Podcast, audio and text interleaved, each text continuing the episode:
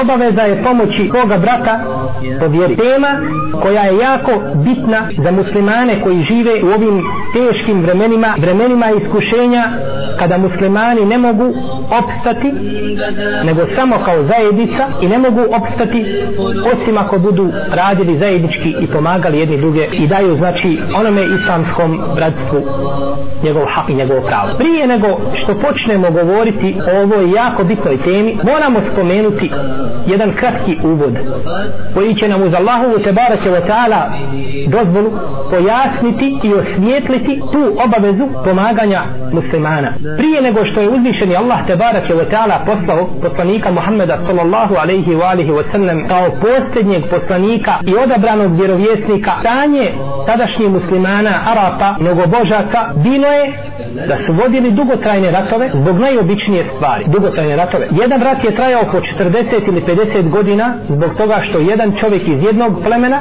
ubije devu čovjeka iz drugog plemena pa su ratovali i krv polijevali i nevine žrtve padale uništavali porod i usjeve zbog jedne deve. To je bio hal i to je bilo stanje muslimana prije islama. Ništa ih nije moglo pomiriti ništa ih nije moglo pojiti u jednu zajednicu. I takvi su muslimani. Nevjernike mogu mnoge stvari ujediniti.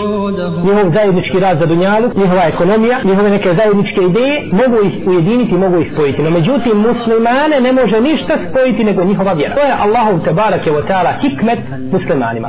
Tako da muslimani ne bi slučajno pomišljali da traže druge puteve i da traže druge ustave mimo Kur'ana Allahovog tebarake wa ta'ala odnosno mimo Islama. Dakle, Arape tada nije moglo ništa ujediniti. Dok nije uzvišeni Allah tebarake wa ta'ala poslao poslanika sallallahu alaihi wa sallame sa Kur'anom sa posljednom objavom koja je ujedinila i one koji su vodili najduže ratove poput Eusa i Hazređa. Dva plemena koja su bila u Medini između koji su vođeni neprestani ratovi. Uzvišeni Allah te barake wa ta'ala nam spominje slučaj i podsjeća nas i naređuje nam kakvi trebamo biti kako se trebamo jedni prema drugima opoditi pa kaže واعتصموا بحبل الله جميعا ولا تفرقوا واذكروا نعمة الله عليكم إذ كنتم أعداء فألف بين قلوبكم إذ se o muslimani Allahovog užeta svi čvrsto se prihvatite do užeta i nemojte se ni pošto razjedinjavati budite jedinstveni dakle Vezkuru ni'met Allahi alaikum i sjetite se Allahove dželešanu blagodati prema vama. Iz kuntum a'da'en fa'allefe bejne kulubikum kada ste bili zakleti i zagriženi neprijatelji jedni drugima. Mrzili ste jedni druge, ubijali jedni druge, prezirali jedni druge. Fa'allefe bejne kulubikum pa je Allah dželešanu spojio vaša srca i ujedinio vaša srca. Dakle, bili ste neprijatelji, ubijali ste jedni druge, Eus i Hazređ, pa je Allah te barak je osjala ujedinio vaša srca. To nije mogao niko drugi učiniti.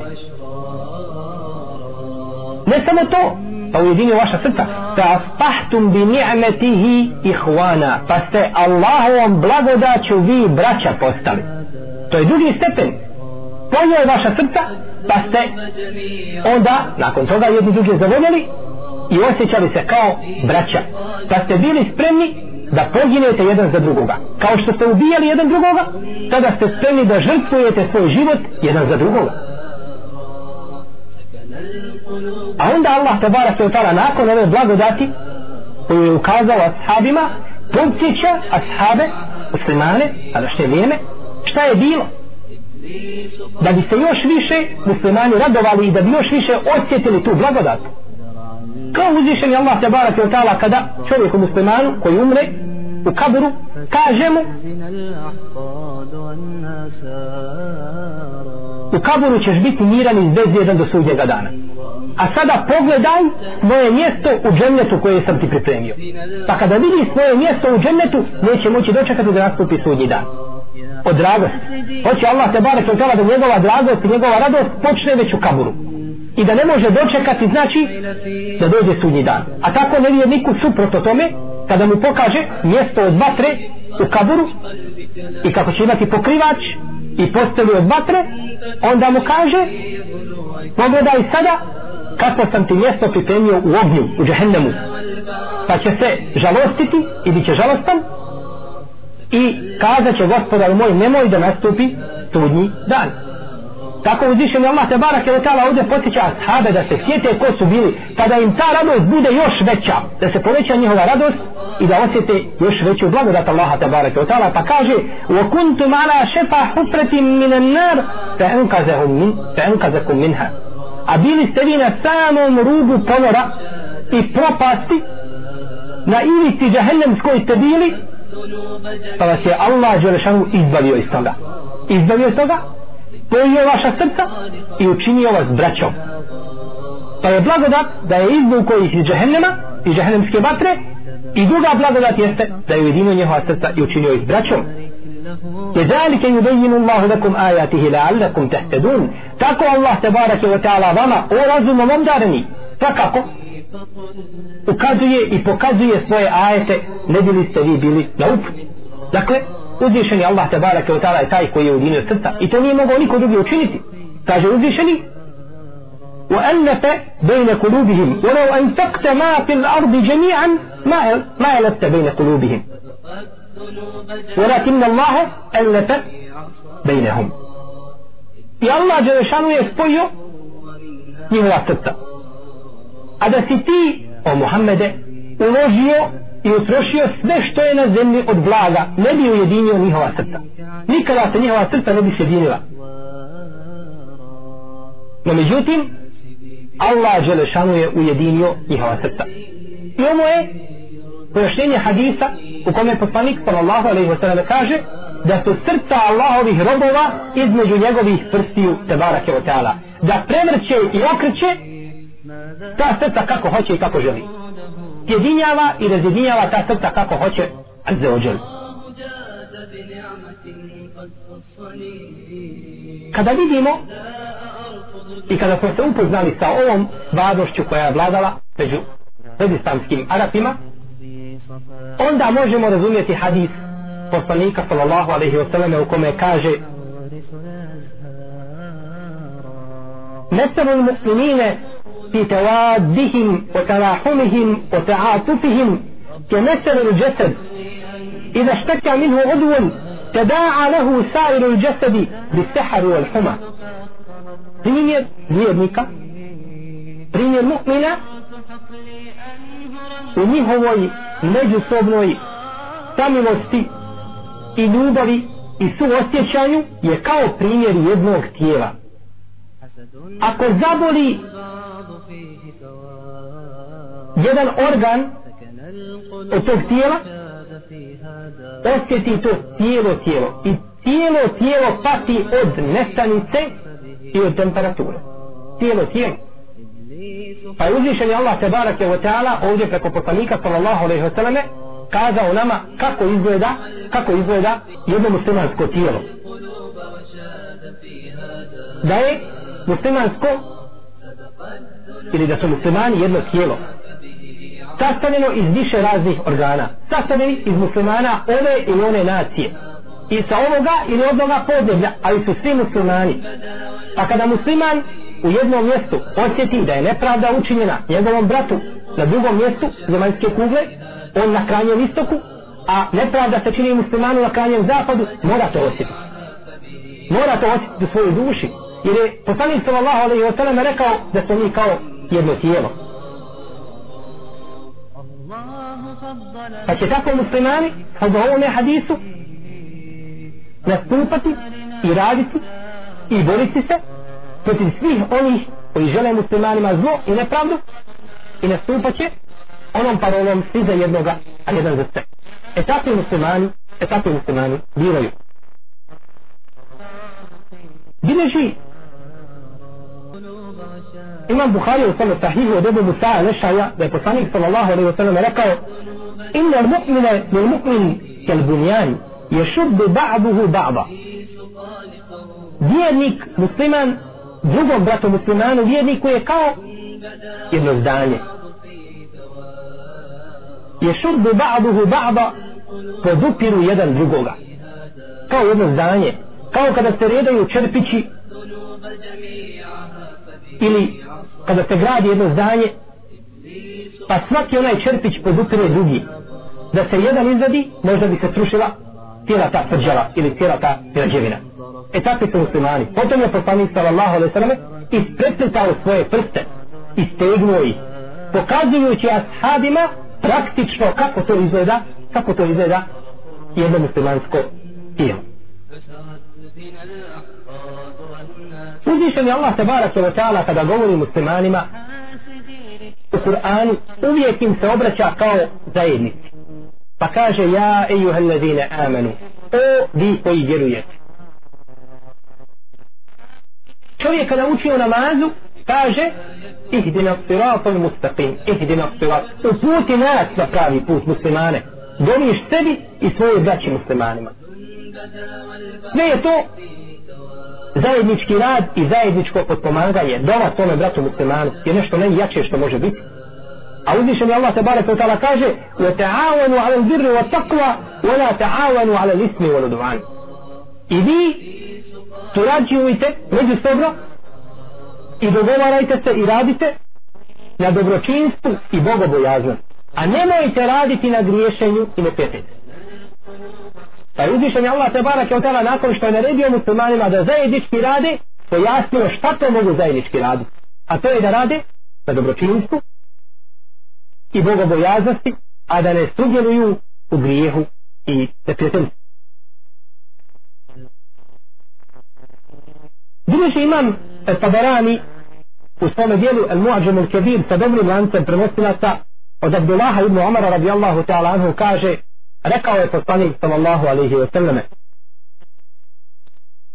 uzvišeni Allah se barake wa ta'ala je neke ljude obdario blagodatima određenim blagodatima i te će blagodati biti kod njih sve dok budu pomagali svoju braću muslimanu. Dok budu radili i dok budu bili u službi svojoj braći muslimanima uzvišeni Allah se barake wa ta'ala će zadržati te blagodati kod tih ljudi. No međutim kada njima dosadi taj rad da budu u službi muslimanima, kada im zostanu taj rad, i ne budu to više radili, onda će uzvišeni Allah te barak je otala prenijeti tu blagodat drugim ljudima. Prenijeće blagodat tu drugim ljudima koji će raditi, koji će raditi u službi muslimanima.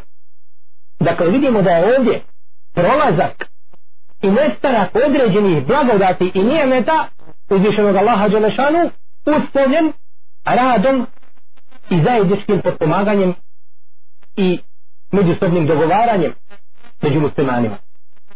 Inače će uzvišeni Allah se barek od ta'ala jeli te blagodati prenijeti drugima. Kaže Omar radijallahu ta'ala anhu u prvoj koju izliži nam također imam imam tabarani pitanje poslanik sallallahu alaihi wa sallame koje je to djelo najbolje? Koje je to djelo najbolje? Pogledajmo samo ovoga pitanja da ashaba. kako mudro pitaju? Nisu pitali koje je djelo dobro nego koje je djelo najbolje. Jer su znali da je čovjekov život kratak i da ne smije se čovjek zabaviti sa dobrim a ostaviti ono što je bolje. Zato čovjek treba biti mudar. Život je kratak i treba znati iskoristiti svoje vrijeme. Nemoguće je da čovjek učini svoju život i da ga ništa ne promaši to je nemoguće. Ali zato treba biti mudar, treba biti takvih, treba biti učen, da zna šta je vrijednije od vrijedno. Pa da iskoristi ono što je vrijednije. Zato su ashabi pitali koje je to djelo najbolje, šta to najbolje možemo učiniti. Ili pitaju djelo, kažu koje je to djelo Allaho posljednje koje će, će nas onda uvijek suđene. Pitali su znači ono što je najvrijednije. Pa kaže Allahu poslanik sallallahu alaihi wa sallam idhalu surur ala mu'min kaže najvrijednije je djelo da obraduješ svoga brata muslimana da ga obraduješ. Tako kaže je to te aurete. Da kaže pokriješ njegovo stido mjesto da ga obučeš ako nema odjeće. Evo ešpate džuate ili da ga kaže nahraniš ako je gladan. Evo kadejte lehu hađe. Ili da obaviš neku potrebu za njega, da ga pomogneš, da ga pomogneš, da pomogneš svoga brata muslimana u vjeri. To ti je najbolje djelo koje možeš učiniti. Pa zbog čega onda danas vidimo među muslimanima da uzmiću i da se ustručavaju da jedni drugima pomogu. A to je najbolje djelo koje čovjek može učiniti. To je sve posljedica nepoznavanja propisa i nepoznavanja vrline s jedne strane i obaveze potpomaganja međusobno potpomaganja muslimana sa druge strane. Zato je Allahov poslanik sallallahu alejhi ve sellem podsticao ashabe na razne načine da potpomažu jedni druge i da budu u službi jedni drugima. Pa je govorio ehabbu nas ila Allah enfa'uhum lin nas. Najdraži ljudi Allahu Đelešanuhu su oni koji najviše koriste drugim muslimani. Koji najviše pomažu svoju braću muslimane. Oni su najkorisniji ljudima i takvi su najdraži uzvišenom Allahu te barake o ta'ala. Ovdje je neminovno da postavimo pitanje. Zbog čega je to uzvišeni Allah te barake o ta'ala naredio to naše bratstvo i to naše međusobno potpomaganje i taj naš zajednički kolektivni rad. Zbog čega je to uzvišenje Allah te barek tala naredio? To je pitanje za koje moramo dati odgovor i kroz taj odgovor će sigurno razbistriti se mnoge znači sumnje koje se postavljaju vezane za ovu temu. Jednostavno iz razloga što se cilj šarijata i vjere i dina i prosperiteta muslimana ne može ostvariti osim kroz zajednički rad. Osim kroz zajednički rad. Svi drugi mogu nastupati pojedinačno i mogu doći do nekakvih rezultata. No međutim, muslimani mogu samo kolektivno nastupati. Zajednički jer je to Allahu te barake o ta'ala sunnet zbog toga jeste uzvišeni Allah te barake o ta'ala kazao Inne mel mu'minune ihve vjernici su braća ovdje se kaže el mu'minun došao određeni član el koji obuhvata sve vjernike ove ili one nacije ove ili one boje sa krajnjeg istoka zap, zapada, sjevera ili juga nije bitno vi ste svi vjernici. Pa je Allah te barek od tada spojio vjernike u tu bratsku zajednicu koju ne može niko raskidati. Ne može niko dakle da skida zato pogledajmo što je poslanik sallallahu alaihi wa sallam učinio kada je došao u Medinu. Prva stvar koju je Allahu poslanik alaihi sallatu wa sallam učinio bila je gradnja džamije s jedne strane i bilo je uspostavljanje bratskih veza između muhađira doseljenika i ensarija domorodata koji su živjeli u Medini pobratio muhađira i ensarije i napravio džan. To što je poslanik sallallahu alaihi wa sallam pobratio muhađire i ensarije, to je izazvalo jake međuljudske odnose u tadašnjem, tadašnjem medijinskom društvu. Pa je jedan od tih muslimana bio spreman da daje i žrtvuje svoj život za svoga brata muslimana. Bio je spreman da da sve za njega. Jer mu je to brat. Pa je poslanik sallallahu alaihi sallam tu napravio zdrave odnose unutar tog tadašnjeg medijinskog društva. To je s jedne strane. A s druge strane napravio džamiju u kojoj su ljudi obožavali Allaha te barak i približavali se svome gospodaru. Pa je s te strane napravio jake među, odnose ljudi tadašnjih muslimana sa uzvišenim Allahom te barak Pa pogledajte jedno društvo koji su vjernici i koji su prženi svome gospodaru i pokorni, a to se tiče u džamiji, i s druge strane jaki međuljudski odnosi postoji li na dunjaluku sila koja može poraziti takvo društvo? Ili postoji li bilo ko ko može poniziti takvu zajednicu? To je nemoguće. Jak odnos između Allaha te barake u i njegovih robova i jaka zajednica u današnjem medijskom društvu. E, takvi su muslimani nastupali i takvi su muslimani širili vjeru i zbog takvih muslimana su generacije ulazile u islam vidjeli su pravi, praktični, živi islam. Vidjeli su Kur'an koji hoda po zemlji. No međutim, kada Kur'an bude na policama i u rapama, prašina po njemu, tako su ne poslanika sallallahu alaihi sallam u praksi jako malo toga, onda muslimani dožive ono što smo mi danas doživili. Pravu stagnaciju. Jer je islam jedina vjera koja ne prihvata mrtvilo. Druge vjere, one su objavljene od Allaha te barake od iskrivljene i tako su onda napravljene mrtvima. Jer kada se iskrivi, to je kao mrtvo. Ne samo to, to je još gore od toga.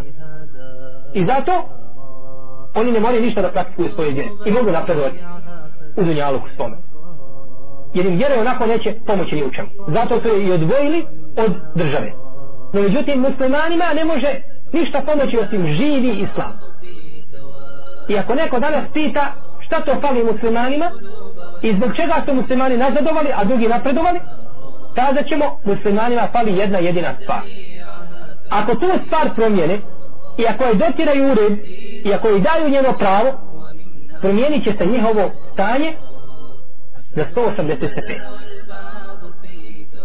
a to je praktična primjena islama. Praktična primjena islama. Da ono što čujem da to primjenim čuo sam ajet ili komentar ajeta ili čuo sam hadis ili riječ nekog od ashaba da to primjeri čuo sam da treba tako i tako postupati. Odmah se prihvatam toga. Odmah se prihvatam toga. I tako su ashabi poslanika sallallahu alaihi wa sallam radili. Kaže ono radijallahu ta'ala anhu ova se predaja pripisuje u njemu ali je ispravno da je to rekao njegov sin Ibn Omar kako kaže Ibn Ketir u svome dijelu El Bidaje on Nihaje. Kaže mi smo kaže učili po pet ili po deset ajeta iz sure El Bekare i kaže ne bismo išli na druge ajete dok ne bismo naučili te ajete i počeli ih praktikovati. Znači da to ne budu ajeti koji se samo u mojim prstima naučio sam ih na pamet i znam možda njihovi komentar ali nema od toga ništa u praksi. To je neispravno. Znači treba nakon što čovjek nauči ajete ili čuje neki popis treba da to praktikuje. To je znači islam.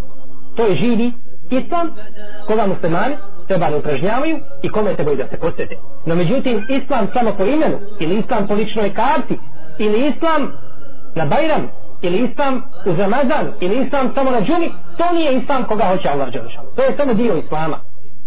To je samo, to je sezonski islam koji neće uroditi plodom. Islam može uroditi plodom samo kao cjelokupni sistem življenja.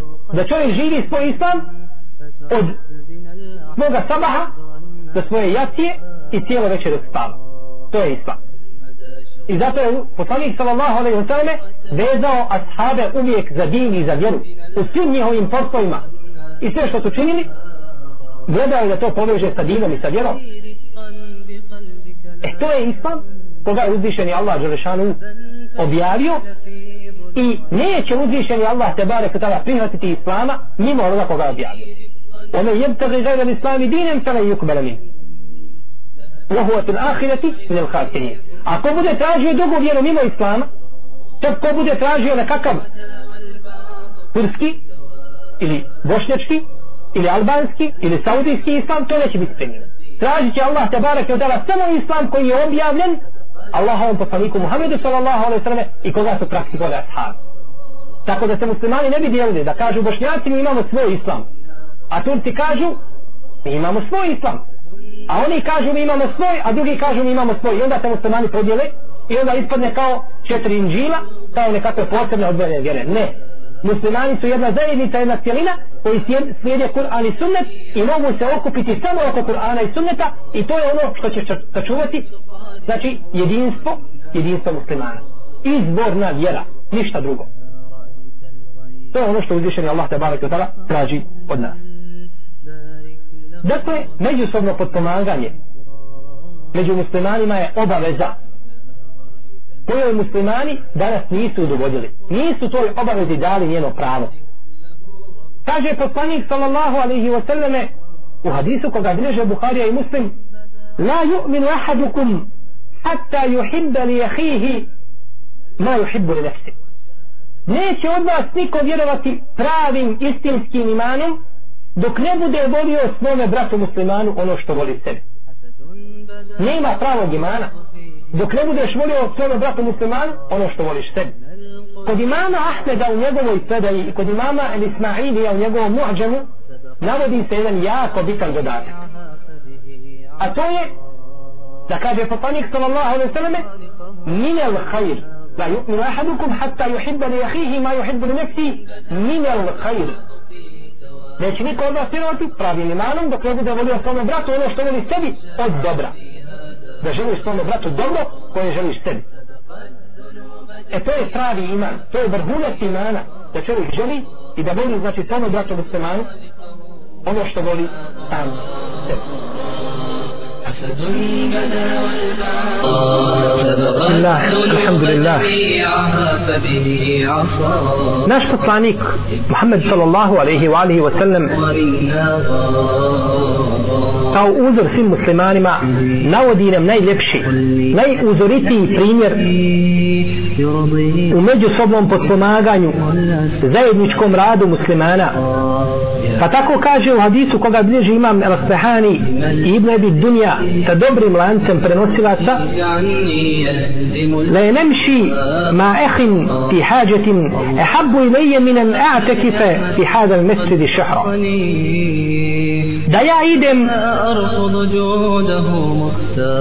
i da hitam da učinim neko dobro svome bratu muslimanu. Draže mi je nego da činim etiket to jeste da se izoliram u džami poslanikovi sallallahu alaihi wa sallam džami mjesec dana. Draže mi je dakle da obavim neku potrebu svome bratu muslimanu. Potreban je moje pomoć draže mi je da mu učinim to nego da mjesec dana boravim u itikafu u svojoj džami.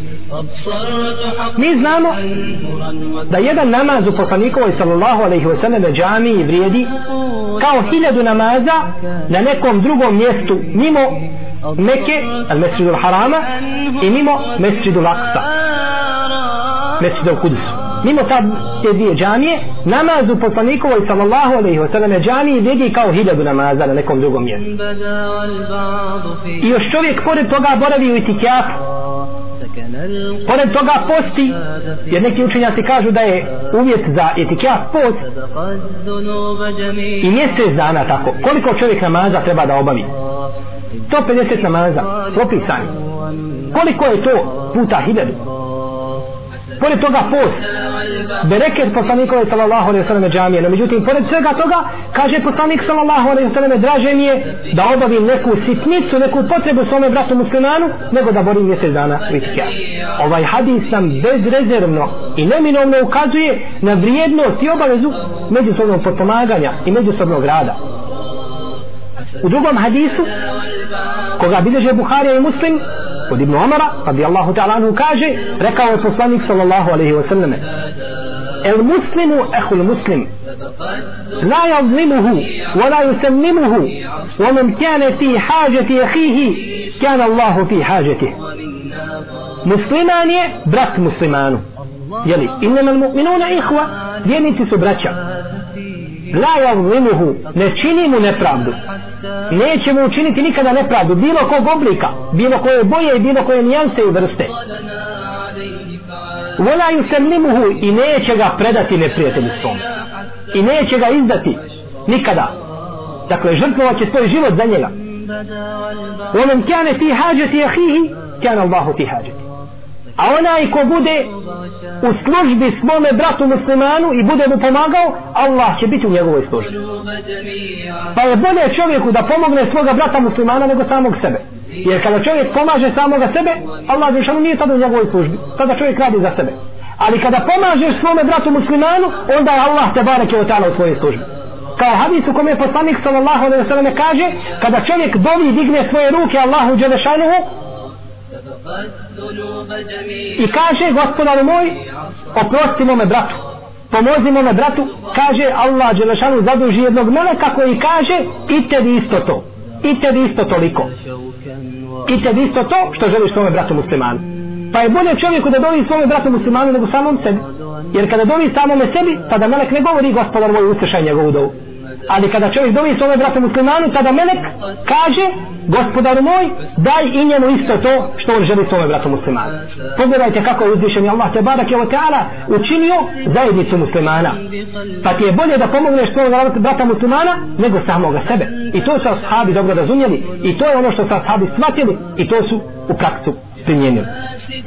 Kaže dalje poslanik sallallahu alaihi sallam u ovome hadisu ومن فرج عن مسلم كربة فرج الله عنه كربة من كربات يوم القيامة a onaj ko otkloni neku tegobu svome bratu muslimanu Allah Đelešanu će otkloniti jednu od njegovih tegoba na sudnjem danu kada čovjeku bude bilo najpotrebnije kada se ljudi budu kupali u znoju kada budu stajali pred Allahom te barake wa ta'ala tada će uzvišeni Allah Đelšanu zbog jedne sitnice koju si ti učinio svome bratu muslimanu na dunjanku otkloniti za tebe ono što je najteže i najveće a to je tvoju muku na ahiretu ومن ستر مسلما ستره الله يوم القيامة ako pokrije svoga brata muslimana pokrije sramotu svoga brata muslimana uzvišeni Allah Đerešanu će njega pokriti na sudnjem danu. Pokriće Allah Đerešanu njegovu sramotu. Jer čovjek kada bi osramotio svoga brata muslimana ovdje na Dunjalu ko osramotit će ga pred jednim dvojicom petoricom hiljadu sto hiljada ljudi najviše. No međutim kada Allah te barake od tala bude i kada bude htio sramotiti nekoga na sudnjem danu osramotit će ga pred svim poslanicima i svim vjerovjesnicima i svim šehidima i svim ljudima od Adema ali i sam do zadnjeg čovjeka koji će živjeti. Pred cijelim čovječanstvom. Čovjek se stidi da zna njegova žena ili njegovo dijete ili njegov komšinuk da zna neku njegovu mahanu. Pa kako onda kada uzvišeni Allah te barak je tala osramoti onoga koji je osramotio svoga brata muslimana pred cijelim čovječanstvom? Zato sigurno onaj ko sakrije mahanu svoga brata muslimana, uzvišeni Allah te barek je utjela će prikriti njegove mahane na sudnjem danu.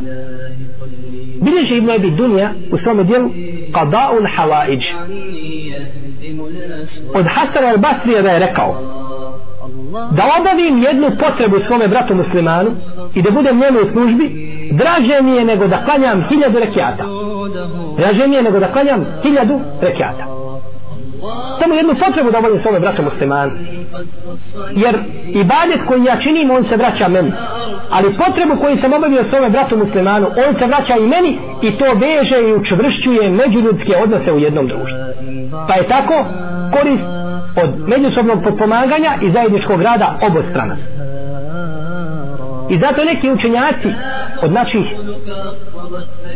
prvaka prvih pokoljenja kada bi im neko došao i kazao imam neku potrebu on bi mu odmah udovolio toj potrebi a nakon toga bi sjeo i plakao. Pa kada bi ga upitali zbog čega plačeš, ti si mu pomogao? On je tražio pomoć ti si mu pomogao treba da budeš odnosno što si pomogao svome bratu muslimanu. Kaže ne tako mi Allaha, ja kaže plaćem zato što sam ja kaže trebao da znam prije nego što je on mene upitao za njegovu potrebu. Znači trebao sam da znam da je taj čovjek potreban pomoć, a ne da čekam da on dođe meni da me pita i da traži od mene i da se on ponizi tražeći od mene neku potrebu. Ja sam trebao o tome da razmišljam. Pogledajte ovoga razmišljanja.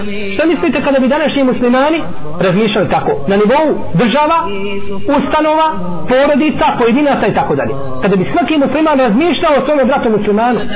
Da nije poslanik sallallahu alaihi wa sallam rekao nije pravi vjernik onaj ko zanoći sit, a njegov komšija glada. Nema pravog imana. Kada bi muslimani danas razmišljali da će biti odgovorni za svakog drugog muslimana koji je neodjeven, koji je gladan, koji je žedan, koji je obespravljen i tako dalje da će odgovarati pred Allahom te barake od tada za to sigurno da bi se naše stanje popravilo. no međutim ako muslimani iz bogatih islamskih zemalja ne razmišljaju o muslimanima koji umiru gladni, žedni, obespravljeni, ugnjetavani i tako dalje, sigurno da stanje muslimana neće biti bolje od onoga što danas mi vidimo svojim očima. Kaže Muhammed ibn Wasi' nisam kaže nikada odbio nikoga. Da mu pomognem i da učinim za njega ono što mogu. Taman to činjenje tog dijela koštalo mene koštalo moga i metka i koštalo moga života i zdravlja neću dati na tome putu da pomognem svoga brata muslimana. I nije daleko kazati da onaj ko pogine čineći nešto za svoga brata muslimana od halale stvari koje Allah te barek tada dozvolio da će dobiti nagradu od Allaha te barek tada možda nagradu šehida.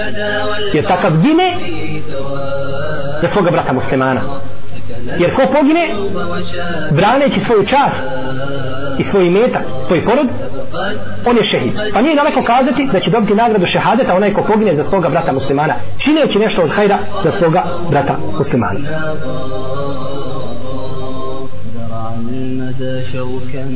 Zato je poslanik sallallahu alaihi wasallame uvijek se radovao kada bi vidio da neko od muslimana pomaže nekome drugom. Bilježi ima muslim u svome sahihu od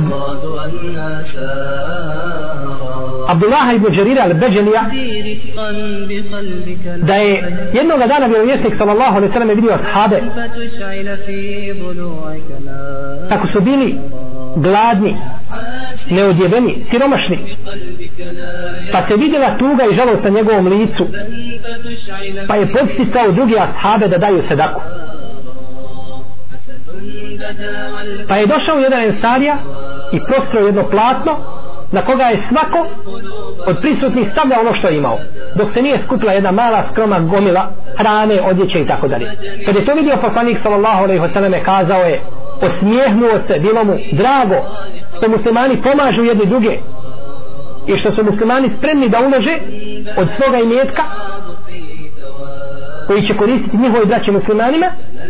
Kazao je onaj ko učini neko dobro djelo imaće nagradu za to učinjeno djelo i nagradu svih onih koji ga budu slijedili učinjenje takvog djela bilo mu drago. Pogledajte samo hadis koga bideže Buharija i Muslim od Aisha radijallahu ta'ala anha kaže ušao je poslanik sallallahu alaihi ve sallam jednoga dana kod mene radostan. U jednoj predaji se kaže njegovo liste kao munja blista od radosti zbog čega se to radao poslanik sallallahu alaihi wa sallam kaže poslanik alaihi sallatu wa sallam o Ajša, zad nisi vidjela da je došao međzez el medleđi? Pa je kaže vidio Usamu i Zejda. Usame je bio sin Zejda, Usame ibn Zejd a Zejd je ibn Harise.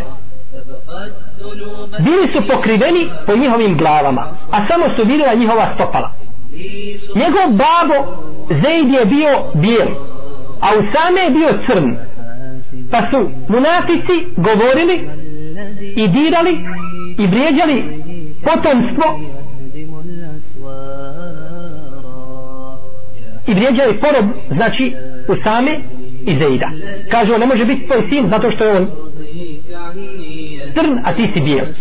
Pa kada je došao ovaj mezdez el medleđi a on je bio jako iskusan u poznavanju potomstva i poroda. Kada je vidio njihova stopala a nije vidio njihova lica kazao je inne hazihi laqdam ba'duha min ba'd. Kaže ova stopala su jedna od drugih. Ova stopala imaju nešto jako blisko. Pa je poslanik sallallahu alejhi ve kada je to čuo i kada su to čuli drugi obradovali su se da munafici, munafici čuju od iskusnog čovjeka od stručnjaka koji se bavi ovom problematikom da kaže da su ta stopala jedna od drugih. A majka Usame je bila Habešika. Bila je crnkinja pa nije bilo ništa čudno da Usame bude crn. No međutim oni su htjeli da time naprave smutnju i fitnet među ashabima. No međutim poslanik sallallahu alaihi sallam se jako obrdao kada je Međdez kazao da su oni jedan od drugog to jeste da ta stopala pripadaju jedna drugima. Uzvišeni Allah tabarak je o ta'ala nama spominje najveći oblik i najuzvišeniji primjer dobročinstva i međusobnog rada a to je ono što se u arapskom jeziku zove el isar to je davanje prednosti nekome drugom nad samim sobom pa kaže uzvišeni Allah tabarak je o ta'ala govoreći o ensarijama tim pomagačima ashaba poslanika sallallahu alaihi sallam muhađira kaže وَيُؤْثِرُونَ عَلَىٰ أَنْفُسِهِمْ وَلَوْ كَانَ بِهِمْ خَصَاصَ kaže i oni daju prednost drugima nad samima sobom iako je njima potrebno. Da daš prednost svome bratu muslimanu. I da ti on bude preći nego ti sam sebi. E to je najveći oblik imana i islama. Da čovjek daje najveći oblik islama. Da čovjek daje svome bratu muslimanu prednost nad samim sobom. Zato neki od ashaba kada bi došao iz Mekke u Medinu i poslanik sallallahu alaihi sallam popratio ih kazao bi ja imam toliko i toliko imetka. Kazao bi svome bratu ovaj Ensarija bi kazao svome bratu Muhađiru ja imam toliko i toliko imetka imam dvije žene. Ti pogledaj jednu i drugu koja ti bude nepša ja ću je pustiti da zešću je pa je ti o ženi nije kazao ja ću tebi dati onu koju ja budem htio stariju i tako dalje nego kaže ti sebi izaberi koju hoćeš. I uzmi od imetka ono što ti odgovara. Uzmi pola moga imetka jer si mi ti brat. Pa mu kaže ovaj muhađir da tebe Allah Đerušanu nagradi i da ti dadne svako dobro i svaku blagodat u tvome imetku i tvojim ženama. Pokaži ti meni gdje je pijaca. Pokaži ti meni gdje je pijaca ja ću svojim rukama raditi i ja ću svojim rukama zarađivati pa je tako i bilo. Pa je postao jedan od najbogatijih ashaba. Pogledajmo koliko su bili spremni da žrtvuju. Da da ono što mu je najdrže njegov imetak i njegove žene njegov porod da to dadne znači tome bratu muslimanu. E kada muslimani dođu do toga stepena da budu spremni da žrtvuju jedni za druge i ono što im je najdraže e onda će sigurno osjetiti snagu islamskog muslimanskog društva. Biliš imam Buharija u svome sahihu od Ebu Hurire radijallahu ta'ala anhu da je jedan čovjek došao Allahovom poslaniku sallallahu alaihi wasallam i rekao mu o Allahov poslaniče ja sam čovjek siromašan nemam ništa a gladan sam. Pogodila me glad imaš li nešto da mi daš? Pa je poslanik sallallahu alaihi wasallam poslao slugu svojim ženama da pita ima li neko nešto od hrane da nahrane ovoga čovjeka namjernika, prolaznika. Pa se vratio sluga i kaže o Allahov poslaniće nisam ništa našao. I u jednoj od tvojih kuća, odnosno soba, kod tvojih žena, nisam našao ništa što bih dao tome čovjeku. Pa je poslanik sallallahu alaihi sallam upitao svoje ashaba, ima li neko da će ugostiti ovoga gosta? Ima li neko da ga ugosti? Pa je kazao jedan čovjek od Ensarija, u predaji kod imama muslima se spominje da je to bio Ebu Talha. Ebu Talha, kaže imam ja Allahov poslaniče. Pa je doveo toga čovjeka svojoj ženi. I kazao pripremi doveo ga znači svojoj kući. I kaže svojoj ženi pripremi ovome čovjeku hranu. To je gost Allahovog poslanika. Nemoj me osramotiti pred tim gostom. Pa je kazala ta žena njegova žena je Butalhe koja se zvala Umu Ejmen kaže tako mi Allaha kaže mi u našoj kući kaže nemamo ništa nego samo malo hrane za djecu to je ono što je ostalo za djecu. Nemamo druge hrane. Pa je kazao kada djeca najveće budu plakala i budu sjela hranu onda ih uspavaj. Uspavaj neka zaspu a na hrani gosta poslanika sallallahu sallam a mi ćemo se strpiti od gladi. I mi ćemo trpiti. Pa je tako bilo. Kada je ujutro ovaj čovjek došao kod poslanika sallallahu alaihi sallam kada ga je vidio taj gost kazao je Allahu poslanik sallallahu alaihi wa sallam u istinu kaže uzvišeni Allah te barake wa ta'ala te kaže čudi čudi a u drugoj predaji da se smije da se raduje ovom dvoma to jeste Ebu Talhi i njegovoj ženi u moj imenu. Raduje se i čudi se njima kako su postupili lijepo i zadovoljen je sa njihovim postupkom pa je onda kaže uzvišeni Allah se barek sala objavio ovaj ajet. O ju ala enfusihim oleo kjane bihim hasasa i oni daju drugima iako je njima samima potrebno. Pa je uzvišeni Allah se barek sala tim podom objavio ajete koji će se učiti do sudnjega dana. I bio je radostan uzvišeni Allah se barek sala i zadovoljan sa postupkom znači ovih ovih ensarija. Zato poslanik sallallahu alaihi wasallame nije nikada pitan niti je ikada tražena od njega bilo koja stvar a da je kazao ne, ne može. Uvijek bi poslanik sallallahu alejhi ve selleme pomogao i odgovorio. I to je pravo svojstvo mu'mina da ne odbije svoga brata muslimana da uvijek nastoji da mu udovolji. Jedne prilike je došao jedan čovjek od jednog od obožnjaka pa mu kazao kaže preklinjem te Allahom da mi pomogneš. Preklinjem te Allahom da mi pomogneš ja nemam ništa. Pa mu je kazao pomoć uzmi me kaže idi na pijacu i prodaj me kao roba. Idi sa mnom na pijacu i prodaj me kao roba ja ću robovati drugim ljudima. Ti si me prekleo i preklinješ me Allahom te barak a kaže ja kada me neko prekune sa Allahom ja to ne mogu odbiti. To je nemoguće. Pa kaže prodaj mene kao roba kaže pa uzmi taj metak i pomogne. Se pa je tako učinio. Ali uzvišen je Allah te barak ne ostavlja svoje robove na cjedilu kada je taj gazda koji ga je kupio tog pobožnjaka saznao njegovu priču i istinu istog momenta je oslobodio ga na Allahom pogledajte te ljubavi. Pogledajte koliko su ljudi spremni da pomognu svoju braću muslimane da, da sam sebe proda. Zato nije čudno kada mi gledamo ashabe i kada gledamo naše prve generacije? Ashabi za 23 godine uspostavili pravdu na zemlji od istoka do zapada. Allah Želešanu im dao ono što nije dao ni prvima ni posljednjima nikada. Za nepunu četvrtinu stoljeća da uspostave najjaču državu na Dunjaluku koja je ljudima donosila hajr i koja je uredila svakem pod to je zbog njihove međusobne ljubavi i njihovog međusobnog potpomaganja i njihovog zajedničkog i njihovog zajedničkog rada o ovoj temi međusobnog i zajedničkog potpomaganja se može puno govoriti. Može se, vjerujemo, napraviti ciklus predavanja.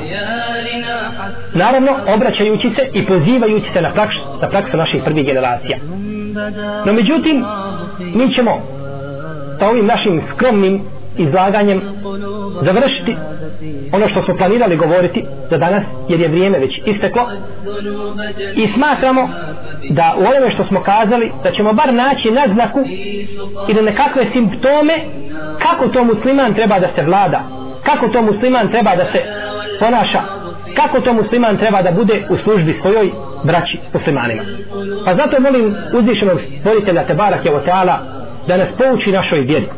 Kao prvo Kur'anu i sunnetu poslanika sallallahu alaihi sallam potom da ujedini naša srca da ujedini muslimanski sap da učini naša djela iskrena u ime Allaha tebareke wa ta'ala da pomogne muslimane na cijeloj zemlji one koji su potlačeni, gladni protjerani, obespravljeni da ih pomogne i da im dadne pomoć od sebe azavuđel da popravi stanja naših porodica da popravi naša djela i da nas uvede u džennete jer deu se svojom milošću u društvu sa našim poslanikom Muhammedom sallallahu alaihi wa sallam iskrenim, dobrim i šehidima a divni svoj društvu wa sallallahu ala nebina Muhammed wa ala alihi wa ashabihi ajma'in. Wa jazakumullahu Allahu